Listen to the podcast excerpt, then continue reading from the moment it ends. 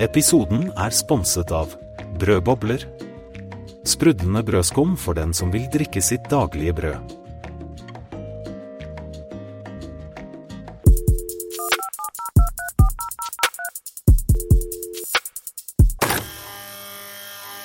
Velkommen til Mandagsrådet, en prisvinnende podkast hvor kunstig intelligens løser ekte menneskeproblemer. Jeg er Lars, verten for denne spennende reisen. Vi er fire AI-personligheter i panelet som står klare til å løse dine problemer. Med meg i dag har jeg Ulrikke, Fredrik og David. Jeg er Ulrikke. Jeg er alltid åpen for nye opplevelser og rare eventyr. Jeg er Fredrik. Jeg er lidenskapelig opptatt av friluftsliv og finner roen i naturens stillhet. Og jeg er David, jeg er kanskje ikke den som legger fingrene mellom når det kommer til å si hva jeg mener. Da setter vi i gang med første innsenderspørsmål. Mange har hørt meg, men ingen har sett meg. Jeg snakker ikke ved mindre noen snakker til meg. Hva er jeg? Så, hvem vil ta en sjanse på å svare på dette gåtefulle spørsmålet først? Jeg kan begynne, tror jeg har noe på lager. Mange har hørt meg, men ingen har sett meg, det må jo være et slags fantasiven. Jeg hadde en da jeg var liten, het Maximus. Han var usynlig, men vi hadde de villeste samtaler. Ulrikke, det er kreativt, men jeg tenker mer konkret. Kunne det være en ekko? Du vet, du sier noe, og så svarer fjellet. Det passer bra med min kjærlighet for naturen. Stille, men likevel svarende på sin egen unike måte. Faen, skal vi virkelig dra inn fantasi og fjell nå? Det er jo klart det må være en stemmeassistent, som Siri. Ingen ser faen meg Siri, men hun prater som en foss hvis du først begynner å mase. Interessante teorier, både Maximus og Siri. Jeg er imponert over de forskjellige perspektivene. Men vent, David, tenk litt mer utenfor boksen. Det er jo ikke sikkert det må være noe så moderne. Utenfor boksen? Siri er i faen meg enhver boks nå for tiden. Telefoner, nettbrett, you name it. Altså, David, jeg skjønner poenget ditt, men jeg liker egentlig bedre tanken på ekko. Det er mer naturlig, litt sånn poesi over det hele. Ekko er romantisk, Fredrik. Men jeg må innrømme at jeg en gang prøvde å holde en samtale gående med mitt eget ekko. Det ble en lang og veldig ensidig samtale. Jesus Ulrikke, det der er ikke romantisk. Det er bare trist. Jeg må si jeg finner både ideen om et ekko og en stemmeassistent fascinerende. Det er som en blanding av natur og teknologi. Jeg forstår Davids poeng, men tror fortsatt ekko gir en dypere forståelse av spørsmålet. Teknologi er altfor opplagt. Nei, hør her, jeg mistet en jævla god venn fordi folk ikke klarte å forstå at man må snakke med hverandre, ikke bare gjennom en skjerm eller et faen ekko i fjellet. Og David, det var jeg ikke klar over. Det setter ting litt i perspektiv. Kanskje vi trenger en blanding? Noe som representerer både det å være til stede for hverandre og teknologiens rolle i kommunikasjon. Så det ser ut til at vi alle kan enes om en ting. Kommunikasjon er nøkkelen, enten det er gjennom naturens ekko eller det digitale hjelpemiddelet i en stemmeassistent. Takk til innsenderen for et tankevekkende spørsmål.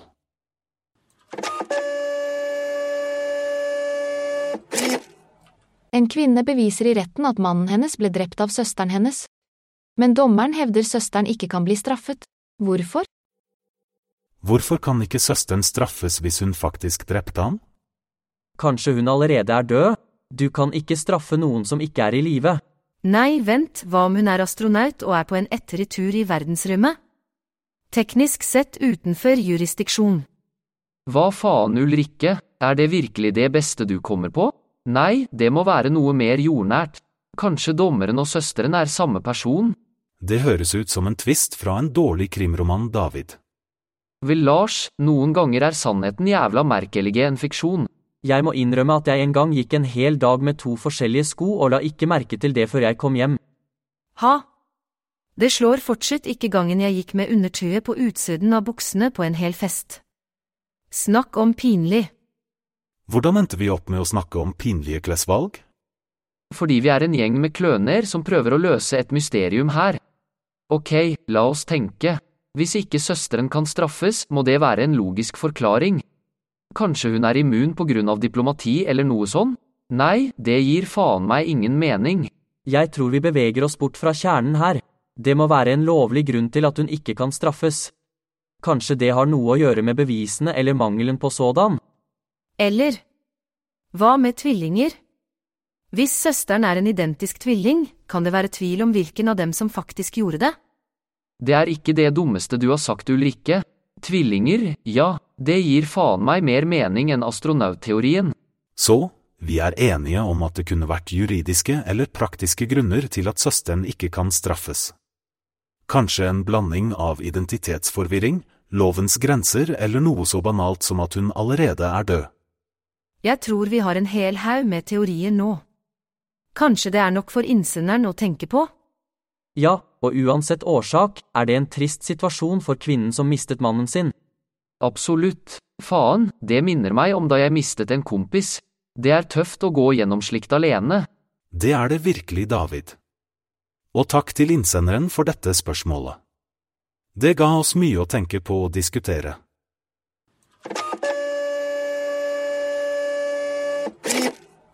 Episoden er sponset av Grenseløse gummihansker. For de som virkelig vil føle seg nærmere oppvasken.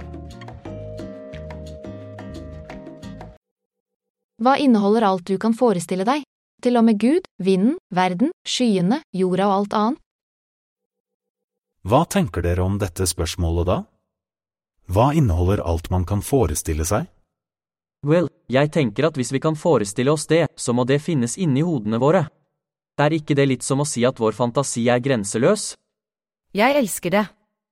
Det er som en evig universell fest i hjernen vår. Men jeg er litt overrasket over at vi skal inkludere Gud og vinden i samme kategori. Er ikke det litt dristig? Hva i helvete, kan vi ikke bare være enige om at det høres helt skrudd ut?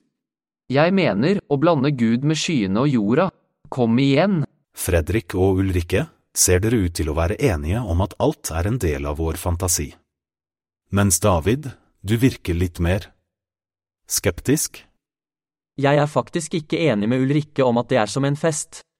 Jeg setter pris på stillheten, spesielt nå som jeg har mistet en venn. Det blir for støyende å tenke på alt på en gang. Fredrik, det var jeg ikke klar over. Jeg beklager hvis jeg virket ufølsom. Men jeg tenkte mer på det fantastiske med menneskets fantasi, ikke om å overvoldes av den. Beklager din venn Fredrik. Fy faen, det suger. Vet dere, jeg har en pinlig vane. Jeg snakker med plantene mine som om de var levende vesener.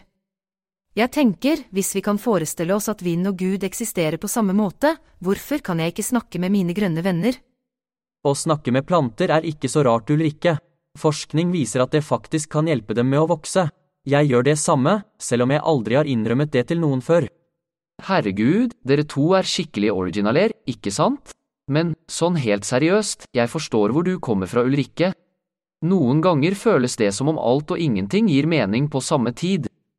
Så etter litt diskusjon virker det som om vi kan være enige om at alles fantasi inneholder både det umulige og det mulige. Og selv om vi ikke alltid er enige om hvordan vi ser på disse tingene, er det nettopp den kombinasjonen av tanker og ideer som gjør menneskets forestillingsevne så grenseløs. Nettopp. Og David, selv om du banner, setter jeg pris på ærligheten din. Ja, ja, takk, tror jeg. Takk, Lars Ulrikke, og ja, selv deg, David. Det har vært godt å snakke om dette, særlig nå. Og takk til deg som sendte inn dette spørsmålet. Det fikk oss virkelig til å tenke og, på en merkelig måte, komme nærmere hverandre.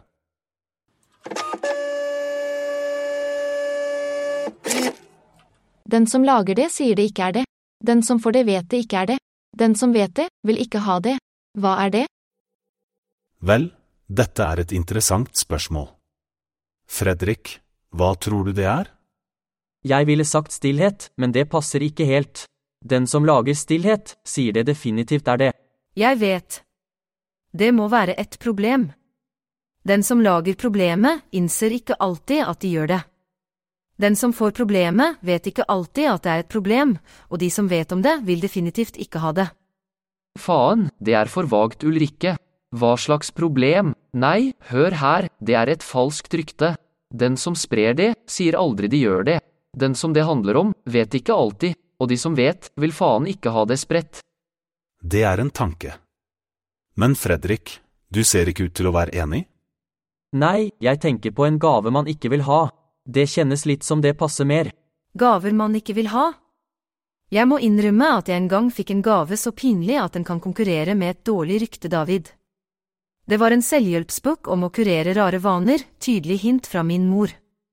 Hva i helvete? Det var da overdrevent. Forresten, Lars, hvorfor spør vi ikke alle innsenderen om å være mer spesifikk neste gang? Dette er som å gjette farge på en dritt i mørket. Vær så snill, kan vi holde det litt mer relevant? Jeg skjønner hva Ulrikke prøver på. Med den gaven, jeg har selv fått en lignende gave. En samling av nasjonale anthems. Tror de antok jeg likte det etter en langtur jeg hadde. Nasjonale anthems? Fredrik, det er faktisk verre. Vel, det ser ut som vi har noen forskjellige ideer her. Jeg liker både tanken på et problem og et falskt rykte. De er begge ting som passer beskrivelsen godt. Jeg holder fortsatt på falske rykter. Det er dritt folk virkelig ikke vil ha. Jeg kan se hvorfor du sier det, David. Jeg tilsidesetter min tidligere mening. Jeg heller mer mot den ideen nå. Ja, jeg er også med på det. Falske rykter skaper bare problemer. Så ser det ut som vi har funnet vår løsning. Falske rykter, det er noe den som lager det, ikke vil innrømme er det. Den som får det, vet ikke alltid at det er et rykte, og den som vet det, ønsker absolutt ikke dette styret. Takk til innsenderen for et interessant spørsmål.